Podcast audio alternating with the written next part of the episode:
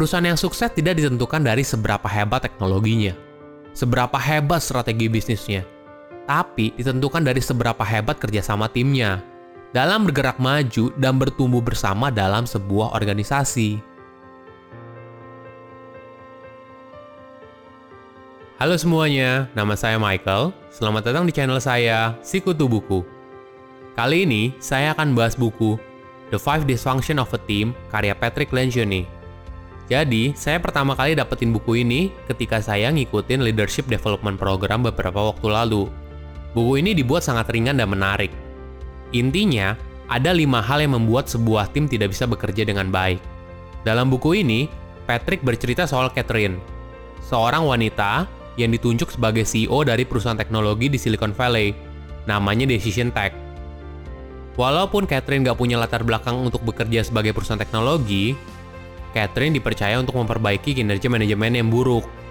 Tentu saja, hal ini disebabkan masing-masing anggota manajemen tidak bisa bekerja sama dengan baik dalam sebuah tim.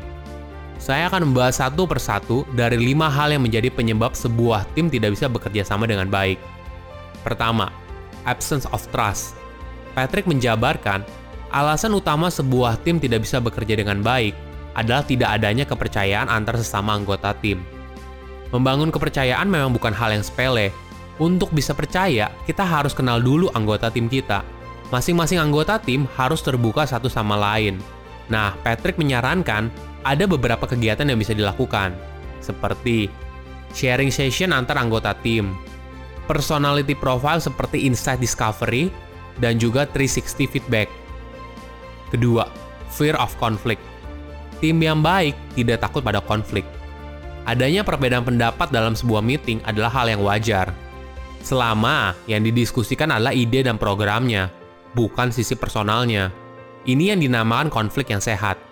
Tugas seorang leader adalah memastikan setiap anggota tim berpartisipasi dalam sebuah rapat yang sehat dan menghasilkan keputusan yang produktif. Ketiga, lack of commitment.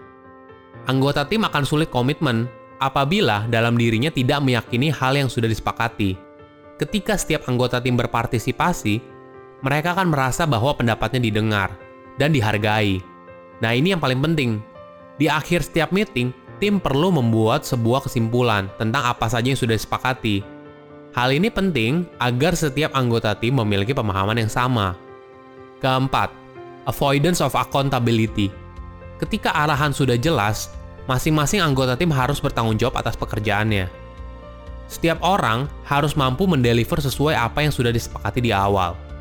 Apabila ada anggota tim yang tidak perform, anggota tim yang lain harus berani menegur.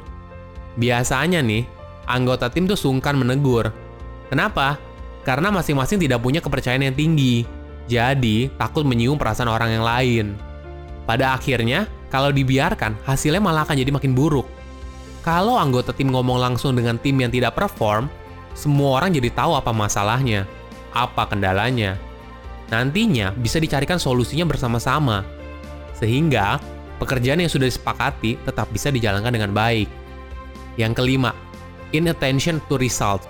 Kesuksesan tim harus lebih penting daripada kesuksesan individu. Apabila salah satu anggota tim mengerjakan pekerjaannya dengan sangat baik, tapi hasil keseluruhannya gagal, maka tim itu gagal. Karena hasilnya sesungguhnya bukan hasil pribadi, tapi hasil kelompok. Ini tuh ibarat kayak main sepak bola. Sebanyak apa pun kamu mencetak gol, tapi kalau ternyata tim kamu kalah, ya tetap saja kamu kalah.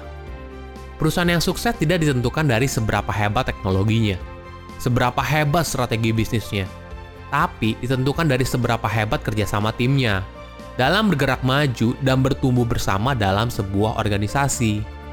Silahkan komen di kolom komentar insight apa yang kalian dapat ketika baca buku ini. Selain itu, komen juga mau buku apa lagi yang saya review di video berikutnya. Saya undur diri, jangan lupa subscribe channel YouTube Sikutu Buku untuk versi animasinya. Bye bye.